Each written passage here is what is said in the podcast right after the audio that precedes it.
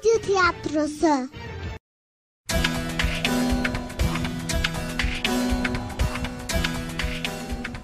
Kız Gövdesi Yazan Sebahattin Yaşar. Yöneten Mehmet Atay. Teknik Yapım Hamit Ünlü.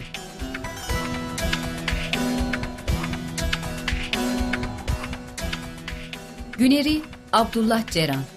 Arslan Cahit Çağran Banu Kız Hülya Gülşen Budak Paşa Emre Alpago İlyas Bey Alptekin Ertürk Terken Hatun Zafer Çankaya Çağan Bey Mehmet Hilmi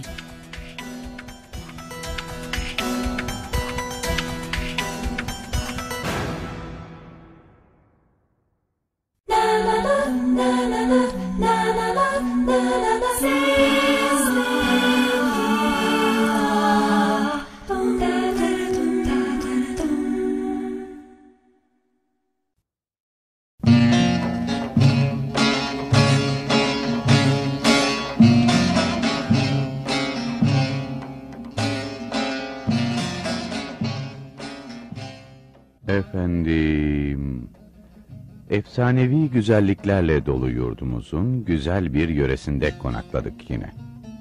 Zaman eski hem de çok. Türklükle Anadolu'nun kaynaşıp seviştiği dönemlerdeyiz uzun lafın kısası. 1071 Malazgirt zaferinden sonra akın akın bu topraklara gelen Selçuklu akıncıları baş döndüren bir hızla nice kaleleri, nice şehirleri fethetmeye başladılar. Alparslan'dan sonra başa geçen Melikşah dahi babasının izinden ayrılmadı. Hal böyleyken Büyük Selçuklu Ege kıyılarına kadar dayandı. Bu dönemde üç komutan vardı ki adı dillere destan oldu.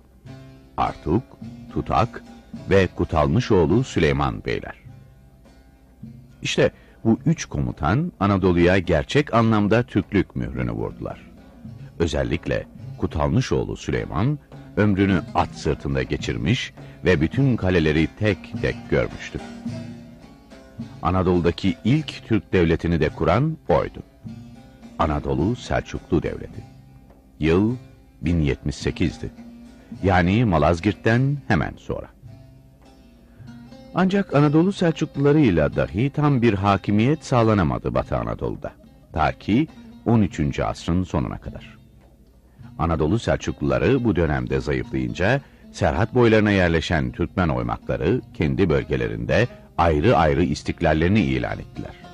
İki asır sonra bir cihan imparatorluğu haline gelecek olan Osmanlı Beyliği de bunların içindeydi. 1313 yılında Manisa'yı fetheden Saruhan Bey ise bu bölgede Saruhanlıları Beyliğini kurdu. Dedesi Anadolu Selçuklu komutanlarından Saruhan, babası da Alpagı adıyla nam salan bir Türkmen beyiydi. Yıllar yılları kovaladı ve idareyi İlyas Bey eline aldı. Abi Budakpaşa ise Gördes ve civarında yerleşmişti. Devir 14. asır ortaları. İlyas Bey'in 20 yaşındaki oğlu Güner'i Gördes yollarında av peşindeydi. Ne dersiniz? Saruhanlılara konuk olalım mı artık?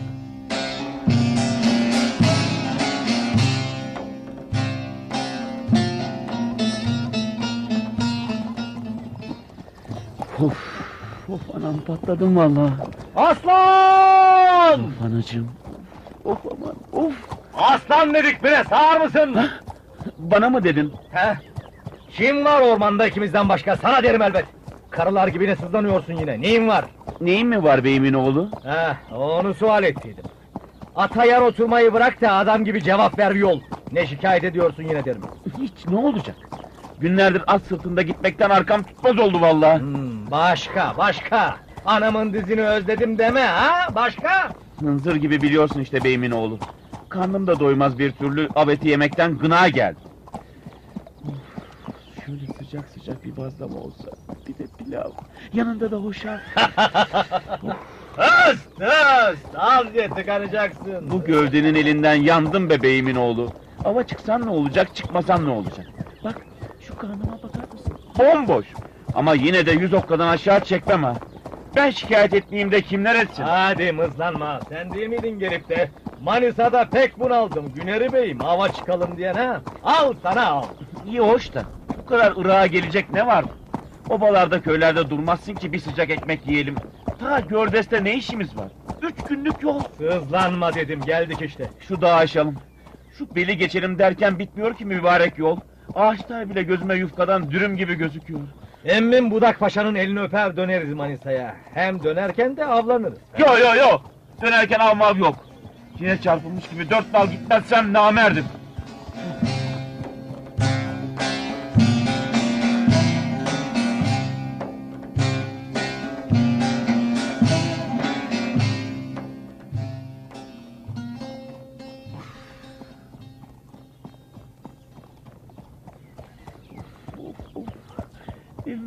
Otursaydık iyiydi be. Oh senin adamlığına be. Hep böyle yaparsın zaten. Avrat kısmı gibi varsa yoksa ev. Of anam of. Of. Yok yok böyle olmayacak. Seni evlendirelim de ayrılma Manisa'dan. Ben de kendime bir yoldaş bulayım bari ya. Sevaba girersin. Aç açık av yollarında geçti ömrümüz. Pilavla yufkanın başına oturup kalkarsam namussuzum. Bak yol kenarında bir çeşme var. Yemek yiyemiyoruz. Bari atlardan inip yine su içelim. Üç gündür sallasan su sesi gelecek gövdemizden. Benden değil ama Of, senden gelebilir.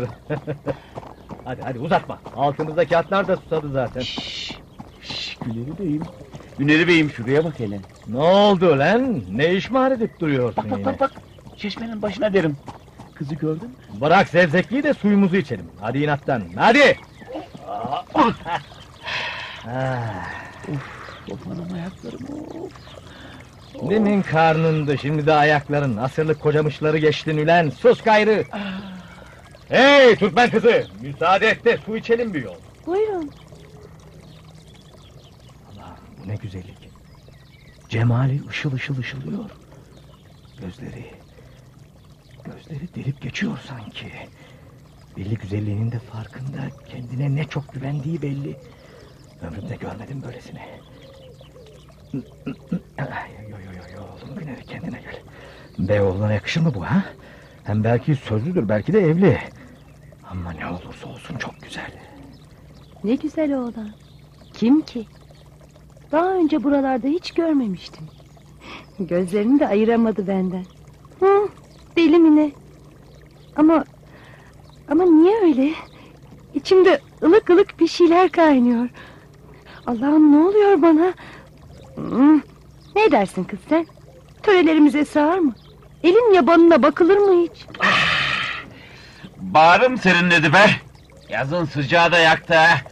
İçimiz yanmış canım.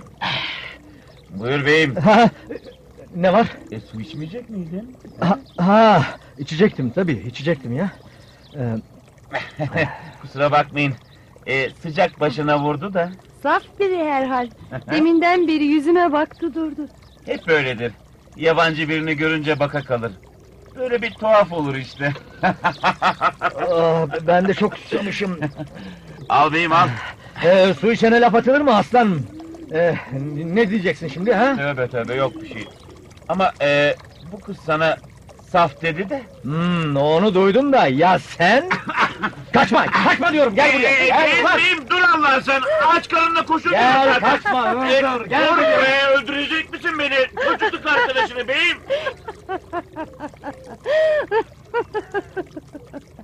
Yoldaşım kaç okka Allah sen. Hiç böyle gülenini de görmemiştim. Benim gülmem bana. Adını bahşetsem. Ne edeceksin adımı? Git yoluna. Celallenme be güzelim. Ne olur söylesen adını. Korkma cehennemlik olmazsın. Her önüme çıkana ne diye söyleyeyim adımı? Ne edeceksin? Hiç merak eyledim sadece. Merak işte canım. Şöyle yüzüme bak bir yolda. Benden sana kötülük gelir mi? İstesen de yapamazsın. Ne sanırsın sen kendini? Vay vay vay. Pek de diksin kız. Git yoluna dendi. Bela ararsın herhal. Hadi beyim daha yolumuz var. Acıktım iyice. Zıkkım ye. Sırası mı şimdi? Geliyorum. Hadi be güzelim. Tasalara gark etme şu garibi. Adını bahşet. Of! Kurtuluş yok herhal senden. Pekala. Adımı söylersem çekip gidecek misin? Hele bir de de gerisi kolay. İyi. Adım Banu. Oldu mu şimdi? Derdinden kurtuldun mu? Banu. Banu. Banu kız ha? Eğlenecek yer ararsın Zahir. Hiç adını çok sevdim Banu. Banu cennetten bir ad olmalı öyle değil mi? Emmim Budak Paşa'yı görecektik unuttun mu? Hadi gidelim. Hınzır mahsus yapar bunu. Gördes Bey'i Budak Paşa emmin mi olur yoksa? He he öyle ya. Hmm, demek onun için kendine bu kadar güveniyordun. Seni tekrar görmek dilerim. Hiç umurum değil. Ben dilemem sen de ne halin varsa gör. Etme be Banu. Haydi sevindir şu garibi. Duyan da bencilleğin at uşağı sanacak. Garibe bakın siz garibe. Gidiyor musun Banu kız? Çekil önümden beni beklerler. Çekil dedim. Korktun mu yoksa? Neden korkacakmışım deli mi ne? Dur dur yine terslenmeye başlama kız. Söyle şimdi. Benim kim olduğumu merak etmiyor musun? Hı hı, Etmiyorum. Öyle olsun ama ben yine de deyivereyim. Adım Güneri. Manisa Bey'i İlyas Bey'in oğlu Güneri derler bana. Hmm, bildim şimdi. Foça Tekfur'undan dahi vergi alırmış babam. İlyas Bey'in mal ile askerinin haddi hesabı yok diye söylenir Türkmen ellerinde. Sen de oğlusun demek. Pek de küçükmüşsün daha. Ben de seni koca bir adam sanırdım. Helal sana Türkmen kızı. Güneri hiç böyle çaresiz görmemiştim. Helal kız. Şu zevzeklenmeyi bıraksan artık diyorum aslan domuzu. Demek öyle Banu kız. Babamı duydun. Foça Tekfur'undan dahi vergi aldığını duydun da beni duymadın değil mi? Hı, duymadım. Ama gördüm işte. Hiçbir şeye benzemiyorsun. Şimdi şuradan ayrılsam aklımda abi şu arkadaşın kalacak. Ah, Beni daha çok beğendi. Yo, genç yaşta yüz okka çekeni yeni görüyorum da daha. Ağzının payını sen de aldın mı aslanın zıra ha? Evet. Ne çok şey bilirmişsin kız sen. Biliriz elbet. Gördü eskiyiz dedik. Dağlıyız demedik ya. Dur kız dur Y- yine celallenme öyle. Sen de lafını bil. Herkes ile böyle uzun uzun muhabbet eder misin ha? Hani elin erkekleriyle derim.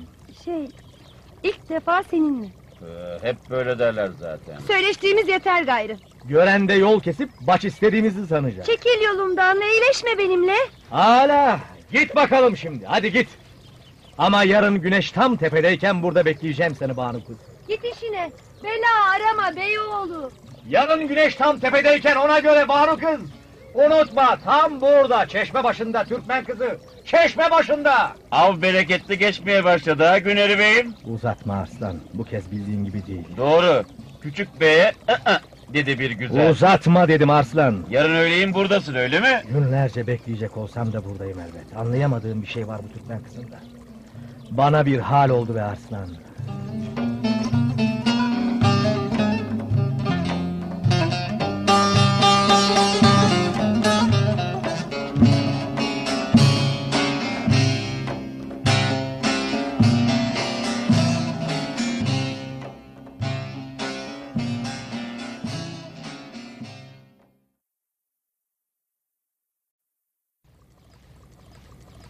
Ha geldin demek.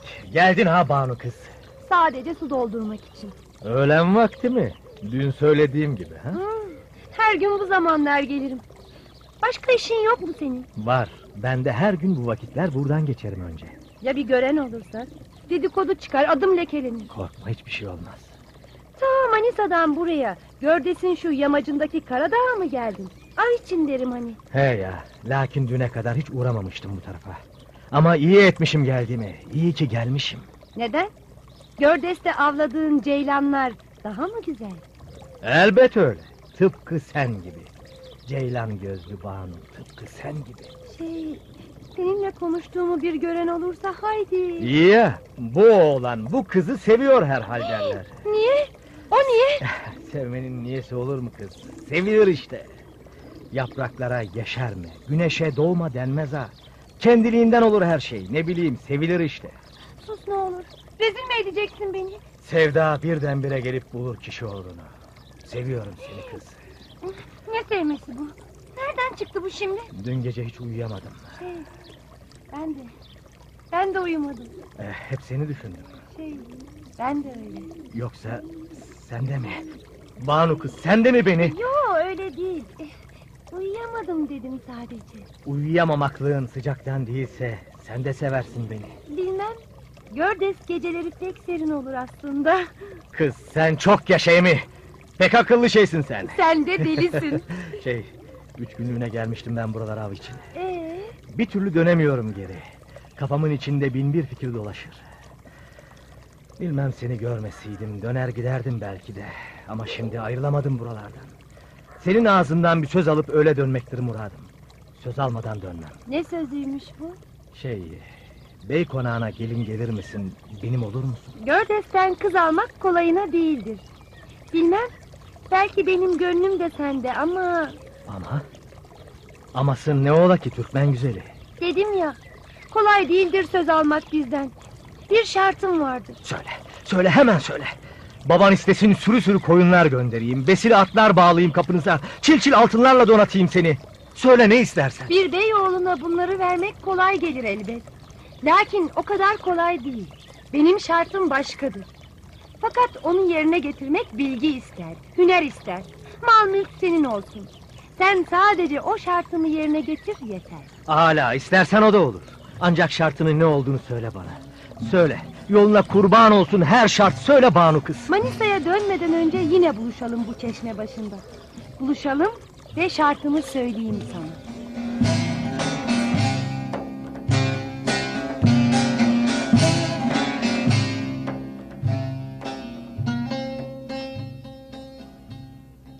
Birkaç gündür Gördes'te takıldın kaldın be Güneri oğlum. Baban İlyas Bey meraklanmasın. Haklısın Budak emmi. Yarın yola koyulacağım. Sağ olsun orada burada gezmeyi pek sever paşa emmi. İlahi siz hala didişiyor musunuz? Çocukken de böyleydiniz. Ah yıllara su gibi geçti. Ele avuca sığmazdınız ikiniz de. Arslanın şu gövdesine baksana emmi. Yine ele avuca sığmaz. Öyle dedin karnım acıktı vallahi. Akşam yedin ya oğlum. Daha yatsı okunmadı. Bu ne iştah? İşte yol boyu rezil eder böyle beni emmi. Deve gibi hörgücü olsa da yolda yiyeceklerini oraya saklasa yakışır vallahi bizim arslana. Heh, sonra da o il senin bu il benim gezsek değil mi? Güzel kızların peşinde. Ne? Ne? Ne dedin? Ee, sen ona bakma Budak Paşa emmi. Laf olsun diye konuşur işte. Beyoğlu'na laf söylemek ne haddimize canım. Hele hele Beyoğlu'nu dinler misin hiç? Aç kal desem yarın gün durur musun? Bir onu demede ne dersen de aslan oğluma.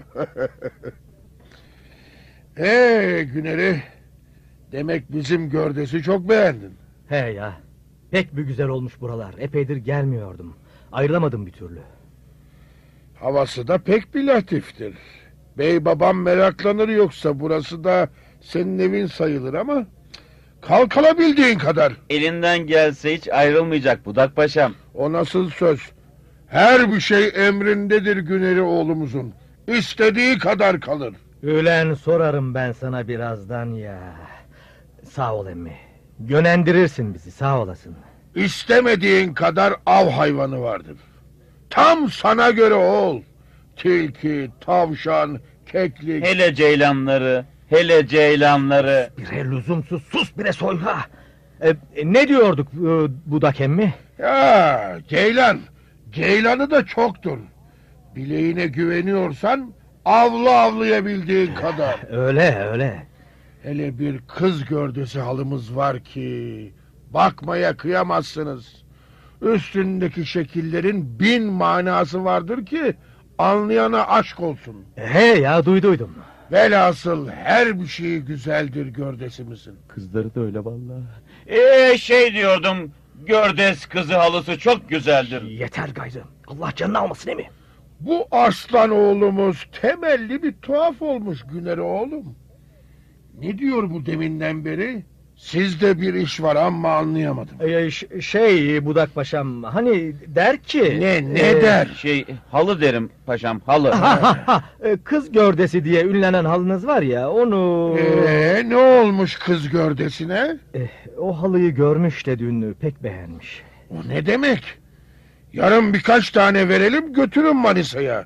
Dedim ya bakmaya kıyamazsınız vallahi. Öyledir. öyledir öyledir öyle de. İpek gibidir ipek. Doğru valla. İpek misali hakikaten de gördes kız. Şey e, kız gördesi halısı derim paşam. Sen iyi bir sopayı hak ettin ama hadi hayırlısı bakalım. Efendim yarın erken kalkarsınız siz. Hadi yatın da uyuyun bakalım.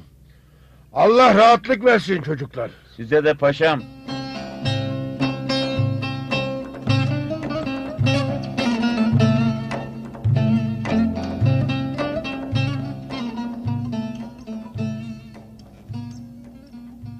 Arslan! Arslan dedim bre! Arslan uyansana bu ne uyku kalk! ne, ne oldu? Tekfur mu bastı? Kılıcım nerede? Kılıcım bu, bu gövdeyle ne de kılıç sallarsın ya! tam sofranın başına oturmuştum be ya. Ne sofrası? Düşümde ya. Uyandırmanın sırası mıydı şimdi? Kalk bakalım ben uyuyamadım sen de uyumayacaksın. Senin yaptığın bu eziyeti Haçlılar bile yapmamıştır beyim. Gece yarısı neden Allah'a sen? Of of uyuyamadım be Arslan. Banu kız mı? Yine mi onu düşünürsün? Onu düşünürüm ya çok güzel değil mi? İyi yemek yapıyor mu ki? Tüh, Allah canını almasın senin. Sevda diye bir şey duymadın mı ulan sen? Yemekten öleceksin bir gün. Atın önümü arpadan olsun canım. Ha, şimdi doğru bir laf ettin işte. Sen baya baya gönlünü bağlamışsın beyim. Bilmem öyle herhal. Her bir şeyde onu görür oldum. Bahçe deseler Banu gelir aklıma. Yeşil denince senin aklına nasıl yemek geliyorsa benim de aklıma Banu geliyor. Heh, şöyle be Güneri beyim. Bak anlatınca nasıl anlıyorum? Sevda üstüne koca bir kitap okusam bu kadar anlayamazdım valla. of of be Arslan. Manisa'ya dönmeden bir şartını söyleyecek diyordun. Banu mu? Hı? E, He ya. e, bana varırmış. Varırmış da şartını yerine getirmeden olmazmış. İnşallah olacak bir şeydir şartı. Bakalım yarın anlayacağız. Mesela beyim şey derse korkma. Üç tane şişte kızarmış kuzu, on okka ekmek, iki kazan pilav yiyebilir misin derse korkma. Ben senin yerine kendimi feda ederim beyim.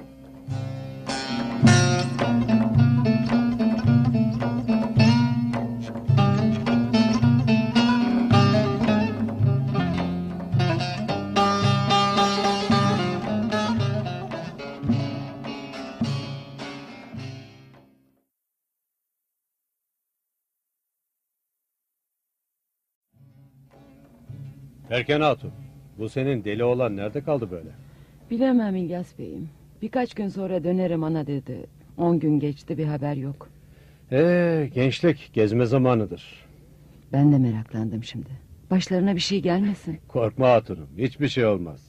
Olsa olsa biraz aç kalırlar yolda. Aslan başının etini yer bizim oğlanın. Emmisi Budak Paşa'nın yanında mı kaldılar acep? Başka nereye giderler? Ben oğlumu bilirim. Bugün yarın gelir hatun. İnşallah. Başı belaya girmesin de. Şey hani ne bileyim Ee, meraklanma dendi Terken Hatun. Emisi Budakpaşa gözü gibi bakmıştır onlara. Bugün yarın gönderir Manisa'ya. Meraklanma dendi. ah, tıpkı babası. Sen de böyleydin nişanlıyken unuttun mu? Alır başını giderdin tekfur boylarına.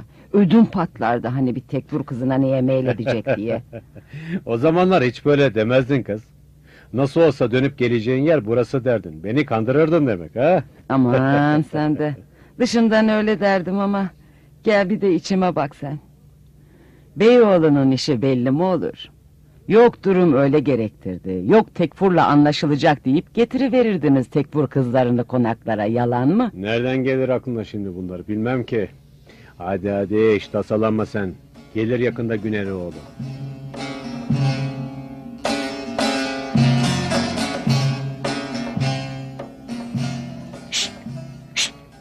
Güneri beyim, Güneri beyim.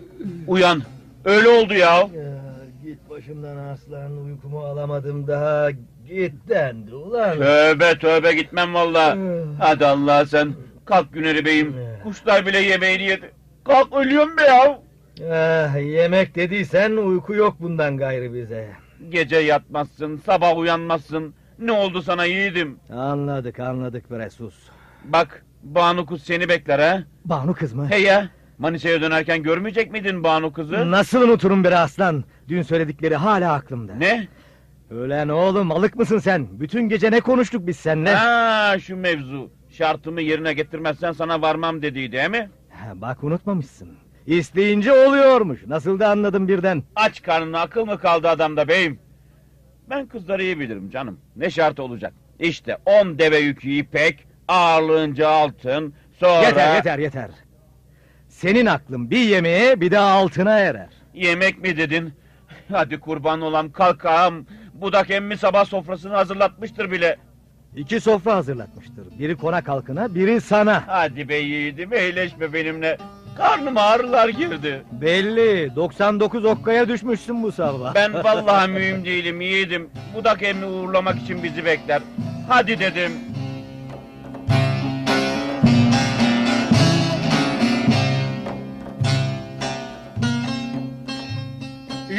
Doyurun karnınızı ha. Yolunuz uzun. Sağ ol Budak emmi. Ben yedim arslanı bekliyorum. Ha. Ona bir şey olmaz budak paşam. Olan bizim gibi kara buzuna olur. Aç kalsa da bir şey olmaz bey kısmına. İlahi arslan oğlum. Onların karnı acıkmaz mı lan? Bu günerinin vallahi acıkmaz paşam. Yol üstünde bir köye bile uğramaz. Ata bindiğimiz gibi inmeden Manisa'ya götürür bizi paşam. Baban İlyas Bey'e selamlarımı unutma Güneri oğlum. Dediklerimi iyi belli. Baş üstüne emmi. Hiç meraklanma sen. Gün batımındaki tekvur vergisini düzen içinde vermekte. Şimdilik bir sıkıntımız yoktur Allah'a çok şükür. Anladım emmi. Bir bir söylerim. Bir de yeme içme vergisi konsa nasıl olur budak paşam? He? Nasıl bir vergiymiş bu? Tekfur diyorum. He. Yolda aç kalanlar için aşhaneler açsa. Seyyar adamlar Manisa'dan gör dese hava çıkanlar için arkalarında yemek taşısa. Diyelim ben. Ha diyelim sen. E, yolda ben de aç mı kaldım paşam? Bu adamlar hemen çıkınlarını çıkarıp doyursa benim gibi garibanlar olmaz mı? Hatta benim hakkımı da sen yesen. ha? Mümkündür elbet. Atılacak değil ha. Yemeğinin malını demişler. Ee, hadi bakalım. Hadi yolunuz açık olsun çocuklar. Ha, hiçbir yere uğramadan doğru Manisa'ya gidin. İlyas Bey meraklanır oğul. Belki bir yer uğrarız paşam. Nereye? E, sen onun zevzekliğine kulak asma emmi. Yemek için belki bir hane falan uğramak isteriz. Ha, o kadar olur elbet canım o kadar olur. Hadi bırak gayrı yemeği. Hadi atlar hazır dedim yürü. Geldim canım geldim. Şunu da yiyeyim de. Ha, dün söylediğim kız gördesi halısı vardı ya. Küçük bir şey denk yaptırdım evlat. Onu da götürün. Hediyemdir bey babana.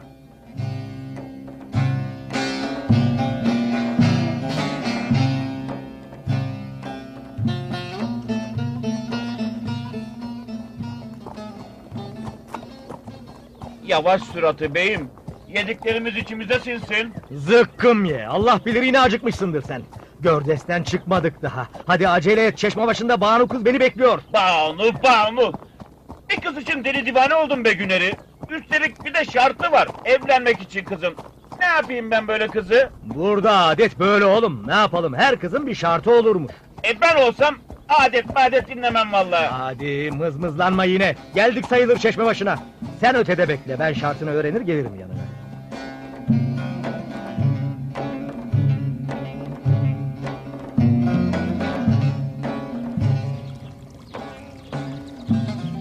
Bre Banu kız. Böyle iş olur mu? İyi demedin bunu. Burada adet böyledir. Bey çocuğu olmakla her şeyin önüne serileceğini mi sandın? İyi de ben nereden bilirim senin dokuduğun halıdaki... Ben hep kız gördesi halısı dokurum. Bak adını bile belleyemedin daha. Ee, iyi canım. Aha şu atın üstünde serili olan değil mi? Hmm, bak bu iyi. Bunun için alim olmak gerek be Türkmen kızı. Ben şimdi nereden bilirim şu halının üstündeki renklerin, şekillerin ne manaya geldiğini? Bak bugün dönüyorsun Manisa'ya. Orada da vardır halı dokuyan. Ee, E'si şu ki dokuduğum halıdaki şekilden, renkten ne demek istediğimi anlarsan sana varırım. Yoksa unut bu işi. bana göstereceğin halıda ne dokuyacağını söyleseydin bari. Orasını Allah bilir artık. Sen her bir şeyi öğrenmekle vazifelisin. E, vazifeyi veren de sen. Hı hı. Mesela e, şu kız gördesi halısının üstünde sarı rengi var. E, şimdi illa bir manası mı olması gerek? ya ne sandın? Olgunluk, ermişlik demek. Hem kim verdi sana bu halıyı? E, Emmin Budak Paşa. Ha, iyi o zaman. E, şey derim yani hani şekillerden vazgeçsen de sadece renkleri bellesem. Hı hı. Pazarlık yok beyoğlu. Etme be Banu kız. Son sözümü söyledim. Kolay mı bu iş? Halımın dilini anlamayan layığın değildir. Akranlarım ne der sonra? Canım ne diyecekler? İsteğin babandan olsun gitsin. Sen ne sandın bizi? Halımı yorumlayamayana varmam ben. Çetin meseledir be ya. O tek furun bir ordusu gelse eğlerim. Adet böyle. Kızlar günlerce oturup halı dokusun, göz nuru döksün. Sizin gibi hayırsızlar da gelsin alsın öyle mi? Yağma yok. Derdimizi, sevincimizi, dahası sevdamızı bu halılara dokuyoruz biz. Bari erkek kısmı ne demek istediğimizi anlasın diyoruz. Çok şey mi bu? Değildi elbette. Derlenmişsin kız sen. Sevmez misin beni ha? Bilmem. Belki de seviyorumdur. Ama el aleme rezil olamam. Hala, hala öyle olsun. Kız gördesinin dilini belleyip geleceğim be Banu. Varsın dediğin olsun. Unutma. Gördese geri döndüğün vakit evimizin penceresinden sarkıtacağım halıyı. Renklerde, şekillerde ne diyorum bir bir cevap vereceksin bana. Hadi şimdi yolun açık olsun beyoğlu.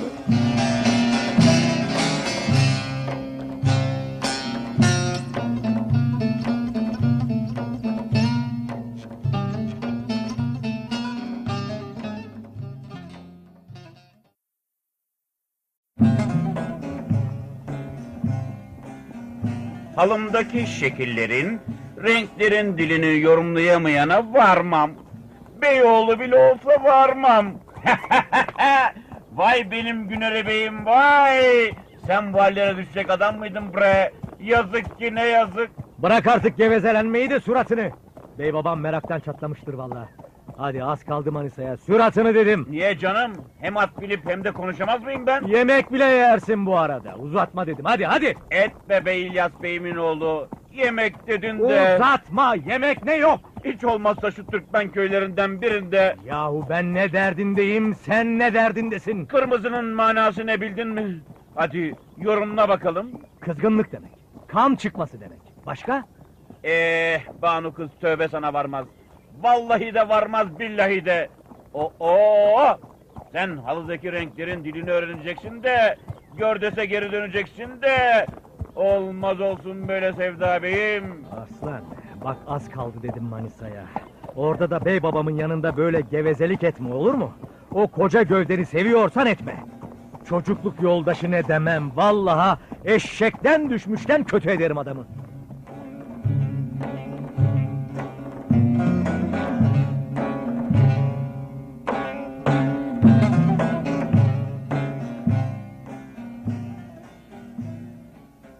Kaç defa söyledim Çağan Bey.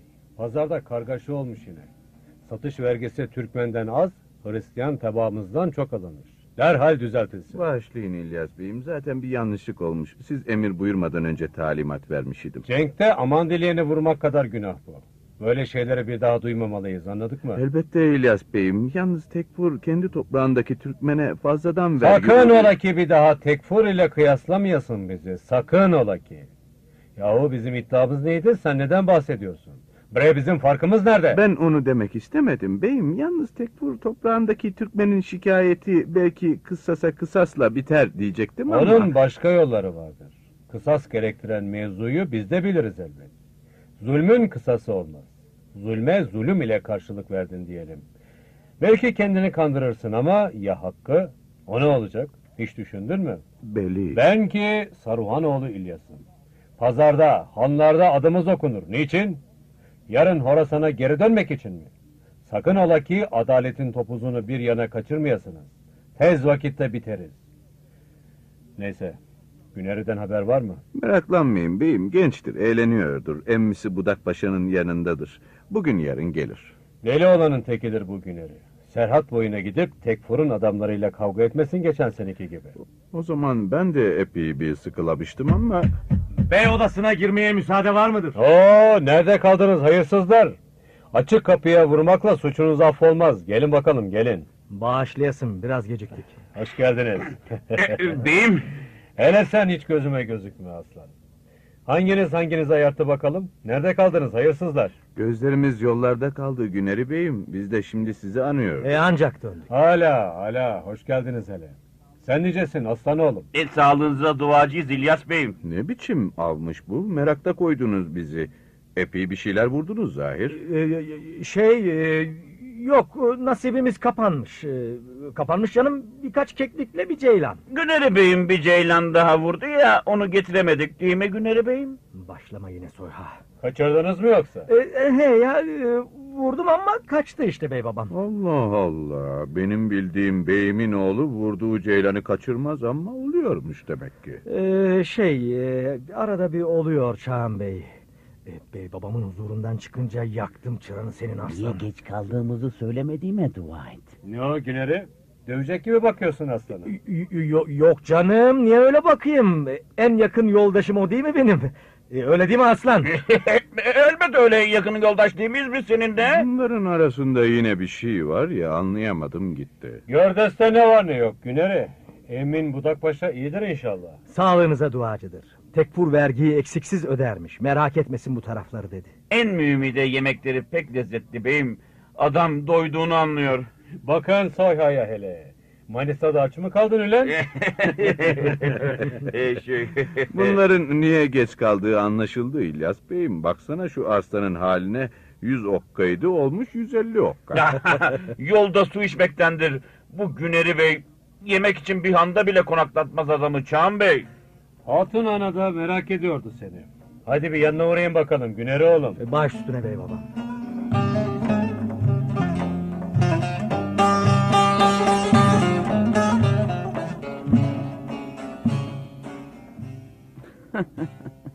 Bak hele hasbaya.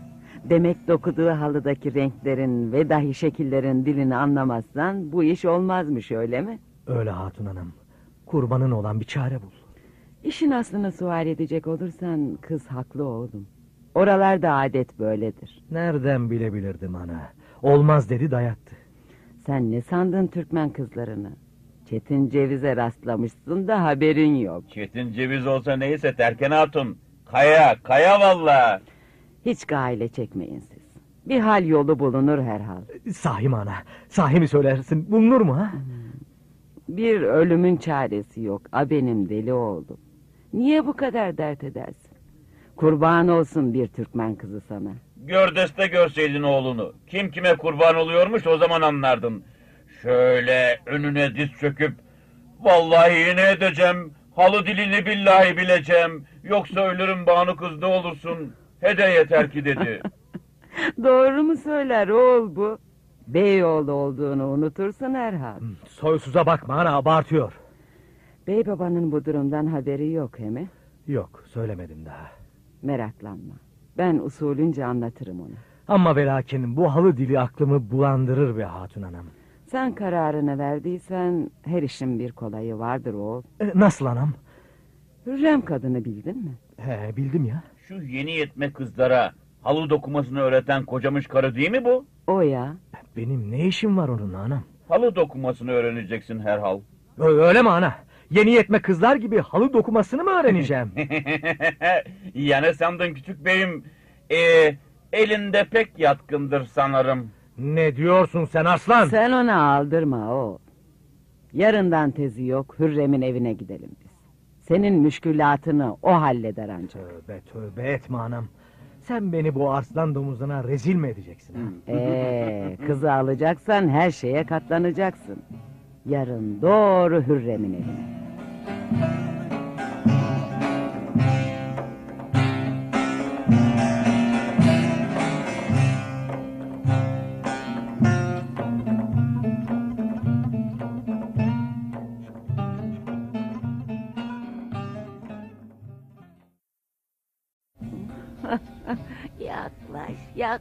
Evladım. Öyle hödük gibi dikilme bükül biraz.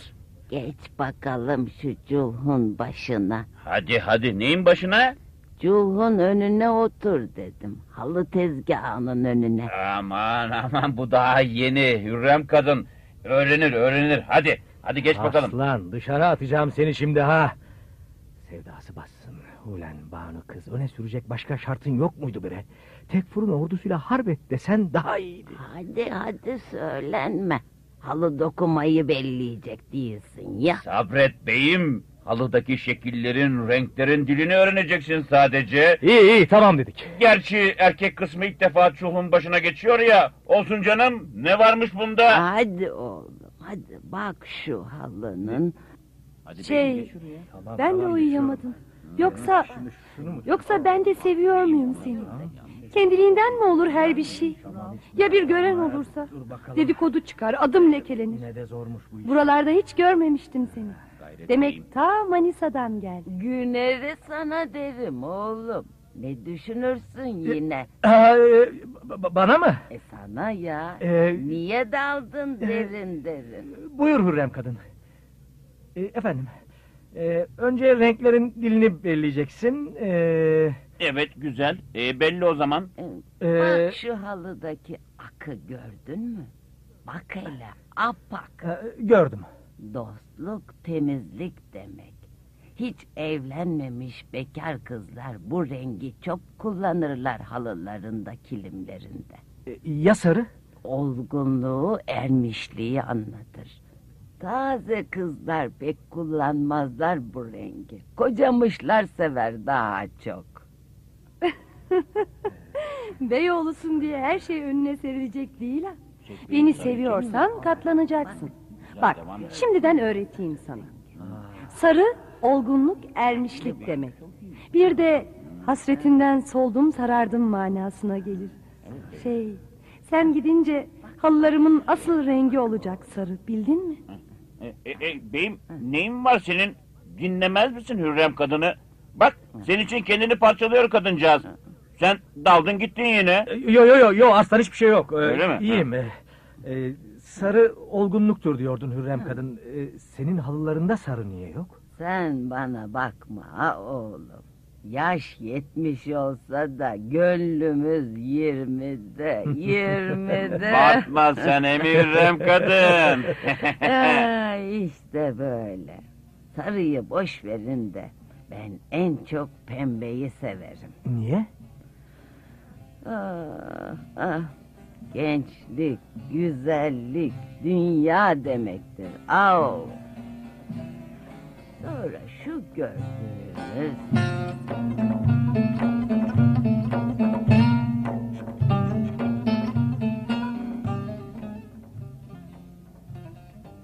Günlerdir ders almaktasın Güneri oğlum. İşin sonuna geldik.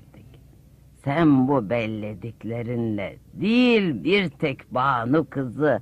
Türkmen'in bütün kızlarını kandırırsın vallahi. Yo bir banu yeter bana Hürrem kadın. Aferin sana. Her bir şeyi öğrendin sayılır. Eee ne olacaktı ya? Ne zamandır kız kısmısı gibi eve kapandı kaldı. Başka çare mi var? Ne yapalım gördesin kızları şart koşuyor işte. Kusurumu bağışla Güneri Bey'im. Hani derim ki ay oldun neredeyse. Ama bile çıkmadık. Ah ah sen böyle mi olacaktın beyim? Laf hevesi arslan oğlum. Adet böyle. Hem sen de bir şeyler öğren. Belli olmaz. Bakarsın sen de vurulursun bir kördesliye. Yok yok ben halı dilimini bilmem. Seversem de tuttuğum gibi kaçırırım sevdiğimi. Benim dilim bana yeter Hürrem kadın. Batmıyor sıca. İşin kolayını bulmuş. Eh, Dinle Güner'i oğlum. Kulağım sende Hürrem kadın. Banu sana kız gördesi halısı dokurum hep demişti öyle mi? E, öyle. Şekilleri de iyi belleyeceksin demek ki. Şu halının ortasındaki kandil var ya, E, evet. kandil misali yanıyorum demek. Ya Ah ah bir halı dokusa ortasına nah şöyle kocaman bir kandil işleyecek herhal. Sonra Lebnan, Servi, Çağ ya da Laden ağaçları da yaşı temsil eder. En çok da Laden ağacı dokur kızlar. e E'si ağaçta kaç çentik varsa dokuyanın yaşı da o kadardır. Ee, Hürrem kadın halonun şu üst köşesinde sümbülle yabani incir var. E ne demekse? Ha, bunları işleyen kız da sevdiğine şöyle seslenmekte. Aşığım sana, bekliyorum. Allah Allah. Ben de avrat aklı değil mi rastgele dokuyorlar işte diye fikir ederdim hep. Bu halıların her noktası bir manaya geliyor ya. Öyle değil mi beyim? Ha, ne sandın? Ama bu gidişle sana hiç yabani incir işleyen olmaz. Niye? E yolunu bekleyen mi var alık? Niye bekleteyim de elinin kızını üzeyim canım? Kaçıracağız dedik ya. Düğün otu malum düğün işareti. E, aha şu Akgirit otu neyin işareti? İste beni babamdan. Abu, Türkmen kızlarını da sessiz diyebilirdik. Ama şu marifete bakın ya. Oo, ne ala her bir şeyi söylüyor bunlar be ya. Peki Hürrem kadın karnım acıktığının işareti yok mu bu halılarda? Zıkkım ye. Yeni yedim daha. İşte böyle. Bildiklerimin hepsini deyiverdim sana güneri oğlum. Yaşa bre Hürrem kadın. Ver. Ver şu ellerini öpeyim ver. Dur deli oğlan. Hele kızı al gel. Ancak gönlümüz o vakit hoş olur. inşallah, inşallah yakındır Hürrem kadın, yakındır. Ee, el kalbi minel kalbi. Neden sen bre Hürrem kadın? Kalpten kalbe yol vardır diyorum ha o. Ah yol dediniz de. Hadi kalk aslan kalk. Banu kız bizi bekler. Hadi hadi hemen hazırlıklara başlayalım.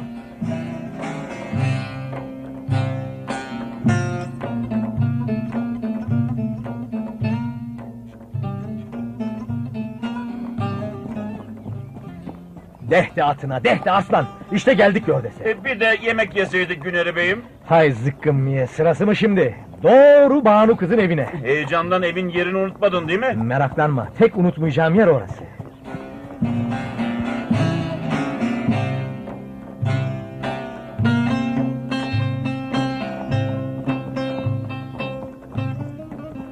Dur gayrı aslan. Banu kızın evi aha burası. Beli Bey'im, bir soluklan hele. Heyecandan öleceksin yoksa. Gördün mü halıyı? Kız gördesini pencereden sarkıtmış bile. Aman ha, Hürrem kadının dediklerini iyi belledin mi beyim? Hem de nasıl? Banu kız! Banu kız ben geldim. Kız aç şu pencereyi. Banu kız. Banu kız. Güneri, şükürler olsun. Günlerdir yolunu gözlemekteyim. Hoş gelmişsin. Hoş bulduk. Hazır mısın? Belledin mi halı dilini? Yorumlayacak mısın? Elbette. İşte içimi şu gördüğün halıya döktüm. Göz nurum ve dahi sevdam bunda gizli. Okumanı dilerim. Ee, bir laden ağacı işlemiş. Ee, bir, iki, 15 çentiği bulunmakta. Yaşım 15 demektesin. Hey yaşa be İlyas Bey'imin oğlu, çok yaşa! Halının ortasında bir kandil şekli var. Yüreğim kandil misali yanmakta demektesin. Evet. Kenarında yabani incir, akgirit otu ve düğün otu. Hmm, hala. Dinle Banu kız. Ne murad ettiysen hepsini di veriyorum. Söyle yiğidim. Yaşım 15. Yüreğimde yanar ateş. Bekliyorum seni. İste babamdan. Al götür beni. Doğru mudur? ha? Doğru. Elbette doğru. Allah'ım şükürler olsun sana. Evet. Evet. iste beni babamdan yiğidim. İste beni babamdan. Allah Allah, işe bak ya.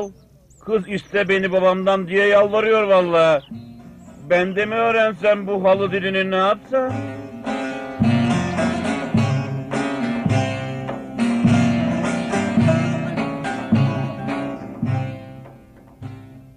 İşte böyle sevgili dinleyenler. Sevdiği kızın dokuduğu halıdaki desenleri, renkleri bir bir yorumlayan Güneri Bey, böylece Türkmen kızı Banu'nun da şartını yerine getirmiş olur ve onunla evlenmeye hak kazanır. Efendim, bazı sanat tarihçilerinin ifadesine göre sosyal hayatımızda bu denli önemli yeri olan halıları dünyada ilk defa dokuyan millet Türklermiş. Yine düğümlü halıların yaratıcısı da Selçuklu kadınlarıymış. Evet. Renge büyük bir özlemle sarılan Anadolu kadını, gergefinde, tezgahında, giyiminde, kuşamında tutam tutam renkleri nakış nakış işlemiş. Tabiatın güzellikleri ölümsüzlüğe ulaşmış sözün özü.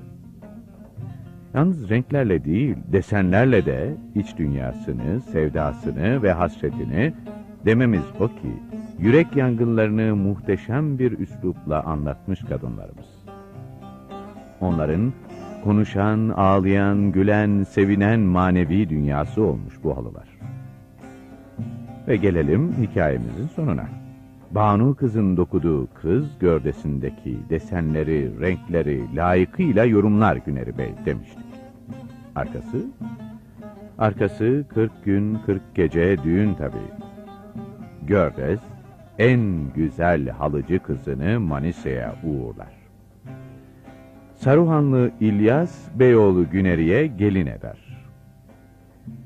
Düğün alayının önünde ise bir halı dalgalanır gider sancak gibi. Ardından türküler söylenir. Kız gördesi halısının türküsüdür bu. Bu aşkın dumanı tütmez odumdan. Her seher gül yüzün çıkmaz yadımdan. Götür beni beyim, tut kanadımdan. Kor gibi ateşlere yandırdın beni. Divaneler gibi döndürdün beni.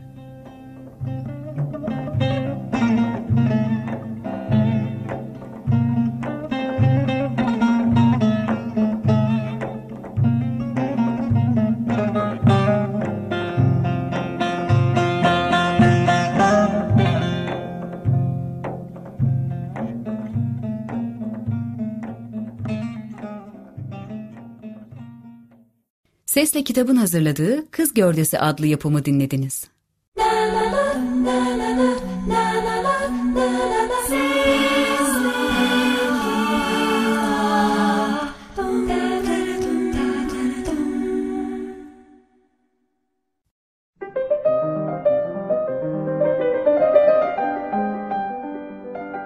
Rothschild'in Kemanı. Eser Anton Çehov Seslendiren Nimet Olcar. Ses kayıt Stüdyo Turkuaz Montaj Mehmet Şahin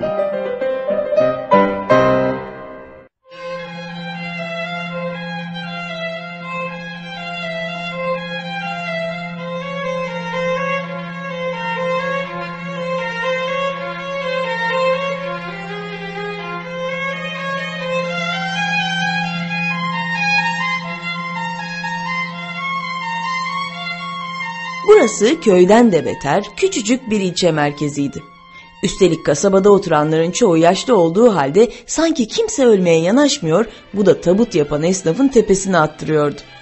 Ne hastanede ne de hapishanede epeydir tabut satılmamaktaydı. Uzun zamandan beri esnafın öfkeden canı burnuna gelmişti. Eğer tabut ustası Yakov Ivaniç mesleğini il merkezinde sürdürse şimdiye dek çoktan iyi bir ev satın almıştı.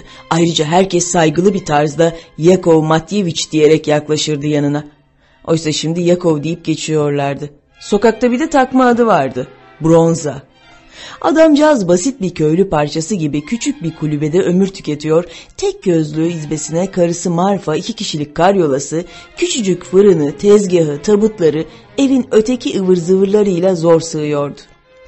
Aslında tabut yapmada Yakov Usta'nın eline kimse su dökemezdi.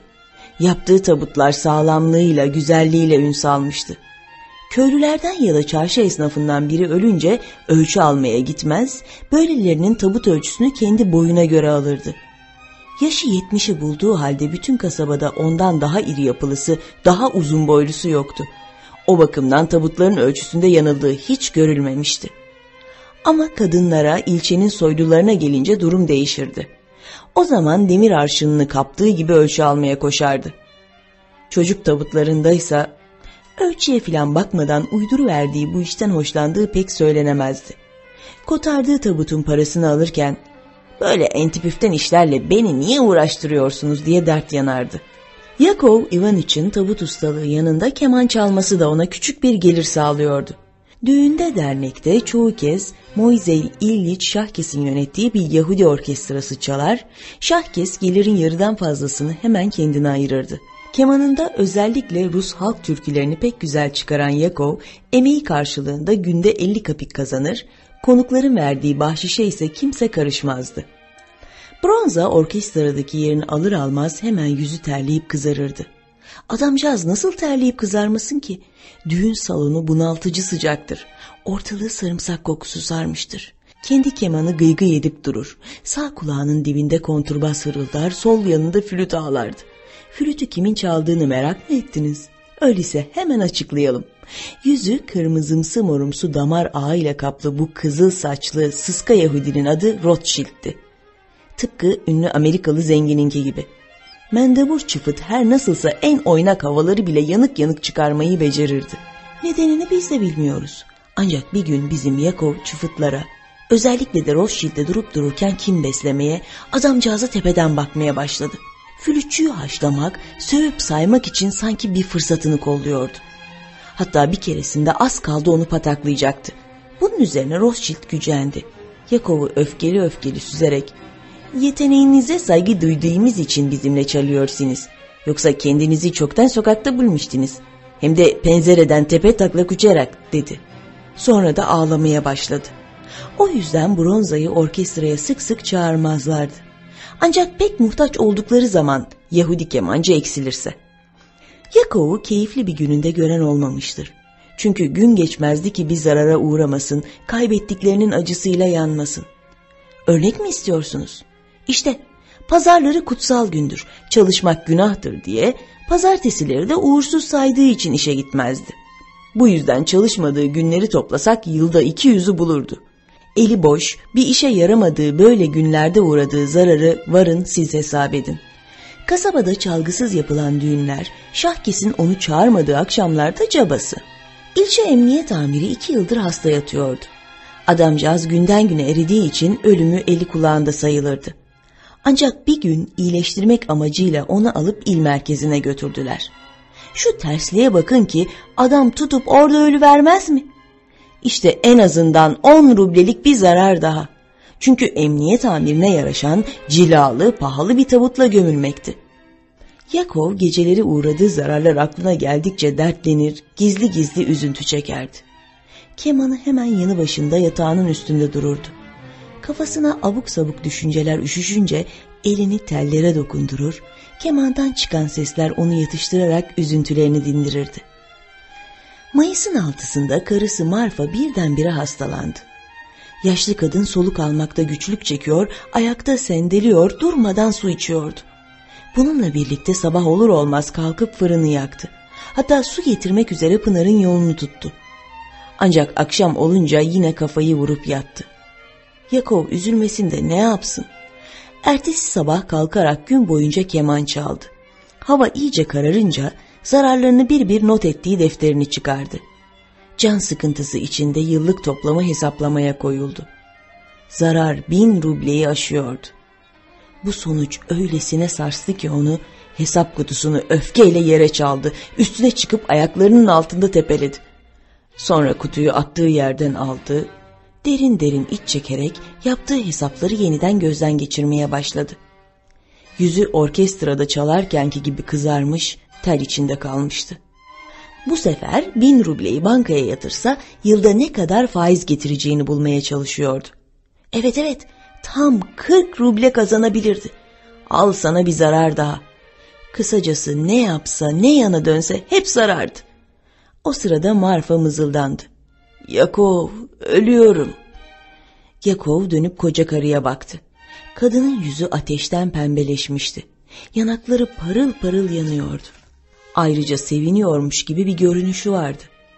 Onun yüzünü hep soluk, keyifsiz, mutsuz görmeye alışmış bulunan Bronzo afalladı.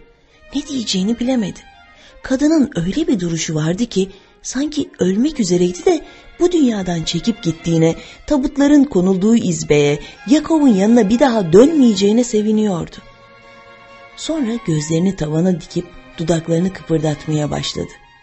Yüzünden okunan mutluluğa bakılırsa onun orada ölümü, kurtarıcısı ölüm meleğini görüp onunla fısıldaştığını sanırdınız. Ortalık aydınlanmıştı. Pencereden tan yerinin kızıllığı gözüküyordu. Yakov yaşlı karısına bakarken onun bir kerecik olsun gönlünü almadığını, acısını paylaşmadığını, bir gün olsun ufak bir başörtüsü armağan edip düğün dönüşü tatlı bir şey getirmediğini anımsadı. Kadıncağıza yalnızca bağırıp çağırmış, uğradığı zararlardan ötürü homurdanmış, yumruklarını sıkıp üzerine yürümüştü. Doğrusu onu hiç dövmüş değildi. Ama kadına sürekli korkulu dakikalar yaşatmıştı. Kocası dayak atacak diye zavallıcık tir tir titrer, daha ileri giderse korkudan taş kesilirdi. Yakov fazla masraf oluyor diye çay içmeyi bile yasaklamıştı karısına. Kadıncağız o soğuk kış günleri sıcak sudan başka bir şey içmezdi.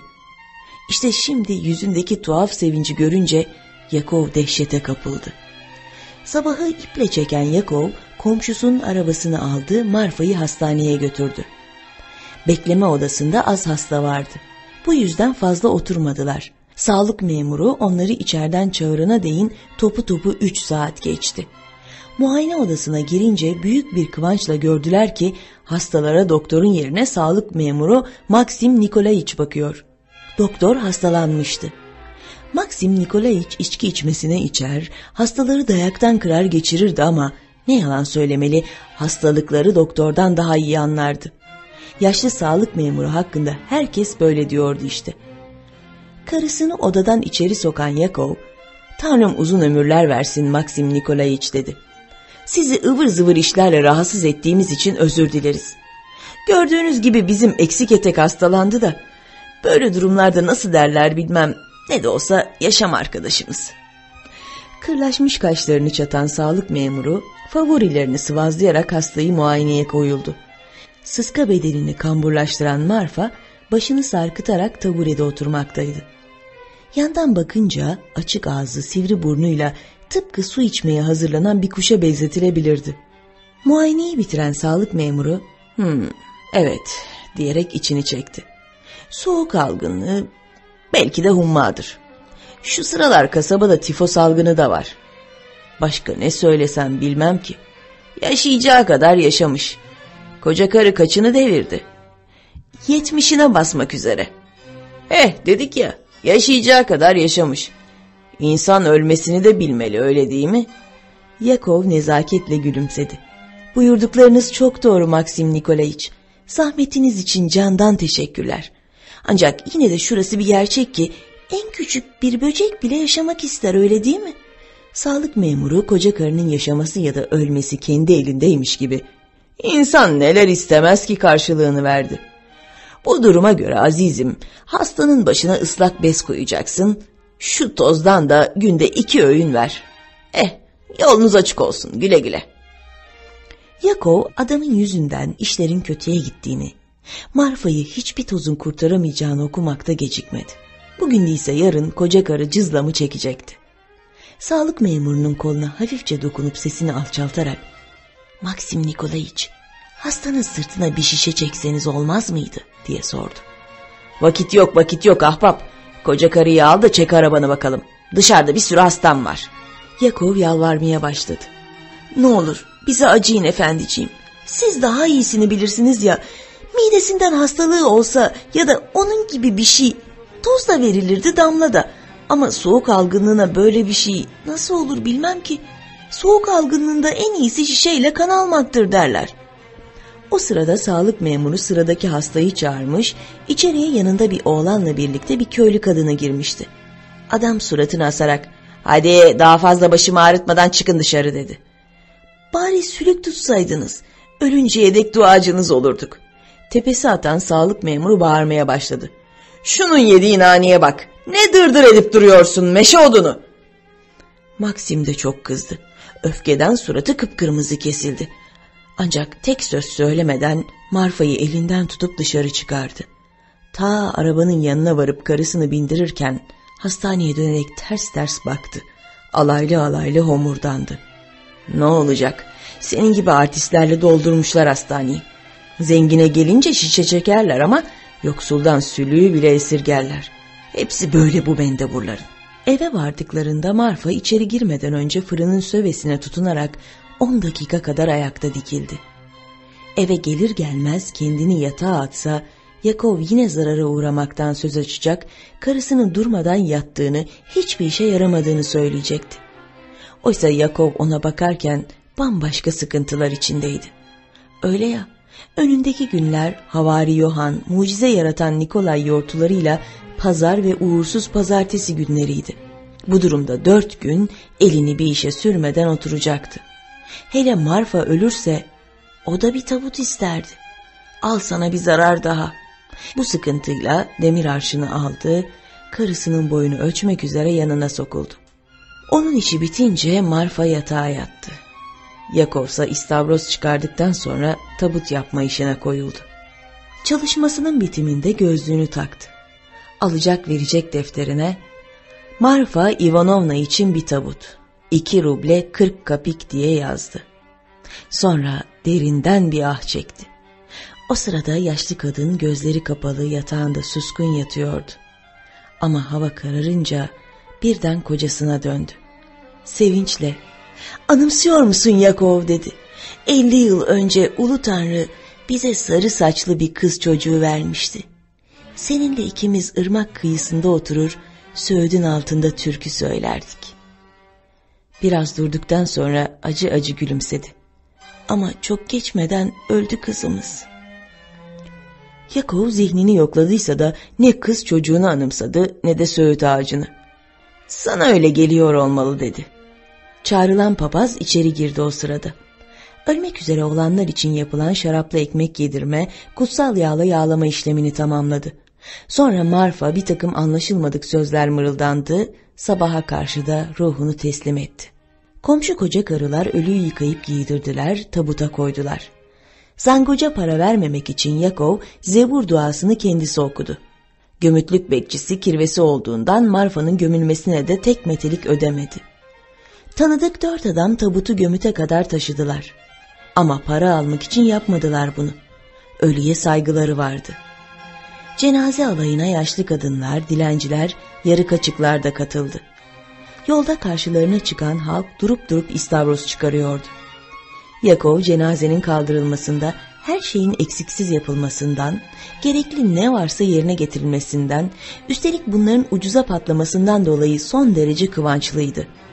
Marfa ile son kez uğurlaşırken tabuta dokunarak iyi bir iş yapmışsın, eline sağlık diye söylendi kendi kendine. Ancak gömütlük dönüşü içini büyük bir sıkıntı bastı.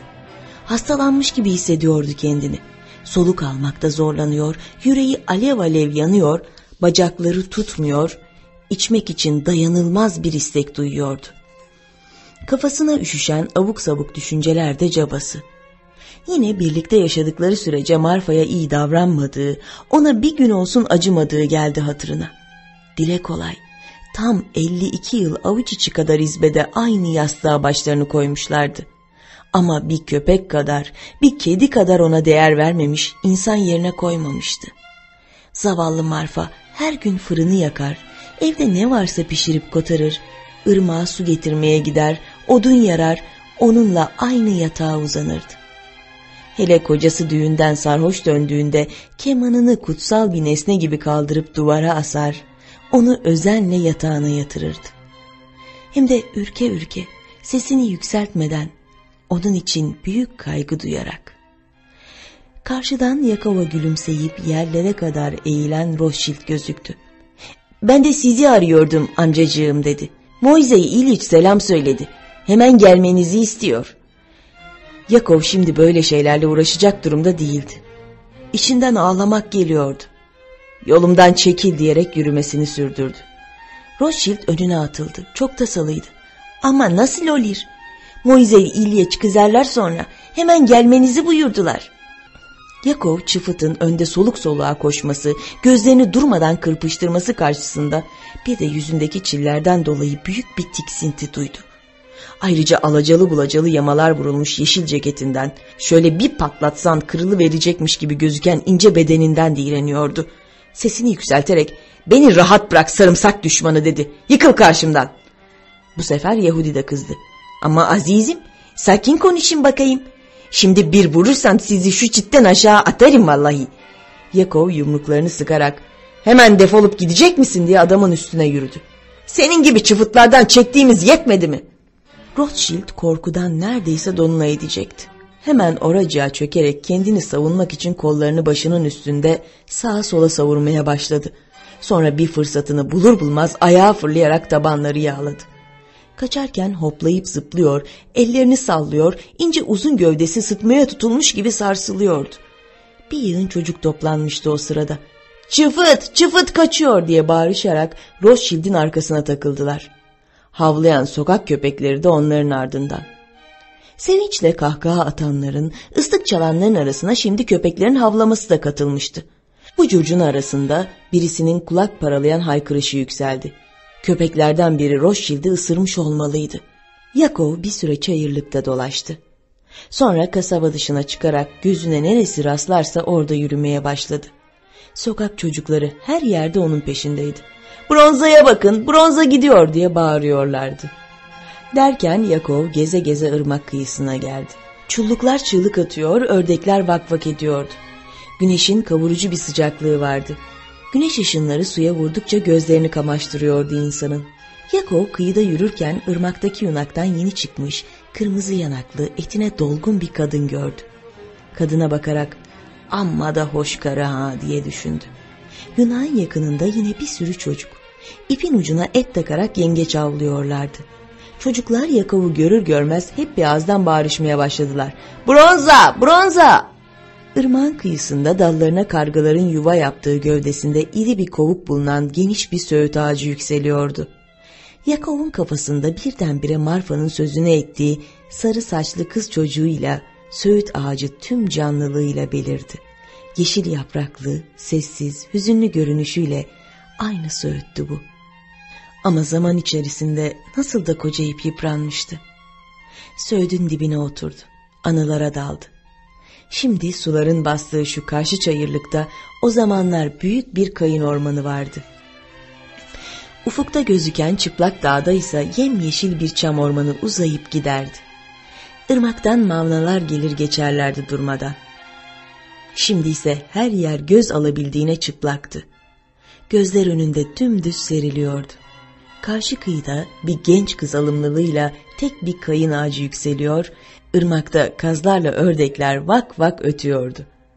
Hani nerede o mavnalar, o kayın ağaçları, çam ormanları? Kazların sayısı bile azalmış gibiydi. Yakov gözlerini kapadı. Karşılıklı uçuşan, birbirine karışan beyaz kaz sürüleri canlandı gözlerinin önünde. Son 40-50 yıl içerisinde nasıl olup da ırmak kıyısına inmediğine şaştı. Belki inmişti de şimdi gördüklerini fark etmemişti. Oysa ırmak ufak tefek değil, hatırı sayılır büyüklükteydi. İnsan isterse dalyan kurup balık tutar, balığı tüccarlara, memurlara, istasyondaki büfeciye satardı. Kazandığın parayı bankaya koysan işte sana bir sürü gelir daha. İstersen kayığa bin çiftlikten çiftliğe dolaşarak çaldığın kemanla para kazan. Onu dinleyen herkes para öderdi. Canın isterse yeniden mamla işletmeciliğini canlandır. Tabut yapıp satmaktan bin kez iyidir. Sonra kaz besleyip kış mevsimi gelince keserek Moskova'ya da gönderebilirdi. Yalnız tüylerini toplayıp satsa yılda on ruble ederdi. Ancak Yakov enayilik edip bunların hiçbirini yapmamıştı. E bu da bir zarar değil miydi? Hele her işe birden el atıp hem balık tutsa hem çiftliklerde keman çalsa hem mavna işletse hem de kaz yetiştirseydi kazandığı paranın haddi hesabı olmazdı. Oysa bunlardan birini bile yapmayı aklına getirmemiş, yaşamı boşu boşuna bir işe yaramadan geçip gitmişti. Ne zevk almıştı yaşamaktan ne de beş kuruş biriktirebilmişti. Şimdi içecek bir tutam tütün bile bulamıyordu. Artık gelecek günlerden bir umut yoktu. Geriye dönüp bakınca öyle zararlarla karşılaşıyordu ki düşündükçe tüyleri ürperirdi. Oysa böyle zararlar, kayıplar olmadan yaşayamaz mıydı insan? Kendi kendimize şöyle bir sorsak, acaba çam koruluğuyla kayın ormanı ne diye kestiler? Çayırlıkta aylak aylak dolaşmakla Yakov'un eline ne geçiyor? İnsanlar asıl yapılması gerekeni değil de neden tam tersini yapıyorlar? Kendisi yaşamı boyunca sövüp saymak, bağırıp çağırmak, yumruklarını sıkıp başkalarına gözdağı vermek, karısını incitmek yerine başka türlü davranamaz mıydı? Az önce zavallı çıfıtı ne diye korkutup sindirmişti? İnsanlar birbirlerinin yaşamasına neden engel oluyorlar? Böyle yapmakla büyük kayba uğradıklarının ayrımında değiller mi? Hem de ne korkunç kayıplar. Hem de ne korkunç kayıplar. Aralarında kin, nefret olmasa birbirlerine ne büyük yarar sağlarlar bunu bilmiyorlar mı?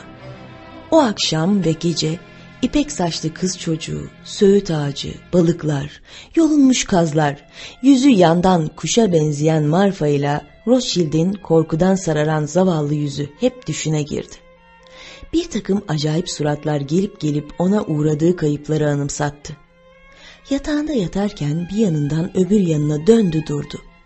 Sıkıntıdan beş altı kez kalkıp keman çaldı. Sabahleyin uyanınca tüm gücünü toplayarak hastanenin yolunu tuttu. Aynı Maxim Nikolayiç ona da başına ıslak bez koymasını salık verdi. Aynı tozdan yutmasını söyledi. Sağlık memurunun yüzünün duruşundan, sesinin çınlayışından Yakov artık işinin bittiğini, bir daha iflah olmayacağını anlamakta gecikmedi. Eve giderken şöyle düşünüyordu. Ölmekle insan bir bakıma kazançlı bile çıkar. Çünkü yiyip içmez, vergi ödemez, başkalarını incitmez. Gömütte yatmak bir yılla sınırlanmayacağına, yüzlerce, binlerce yıl yatacağına göre varın siz kazancını hesap edin. Bu duruma göre ölmek yaşamaktan daha kazançlı olmalı. Ancak böyle düşünmek akla yatkın gözükmekle birlikte acı veren, insana dokunan bir yanı var. Dünyanın düzeninde insana bir kerecik yaşama hakkı verildiğine göre ne diye kazançlı çıkması sağlanmıyor? Aslında öleceğine yanmıyordu. Ama eve varıp kemanını görünce yüreği sızladı. Büyük bir acınma duydu. Kemanını yanında gömüte götüremeyecek, zavallıcık burada öksüz kalacaktı.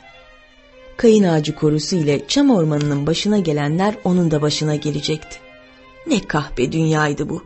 Hep kayıplar, kayıplar.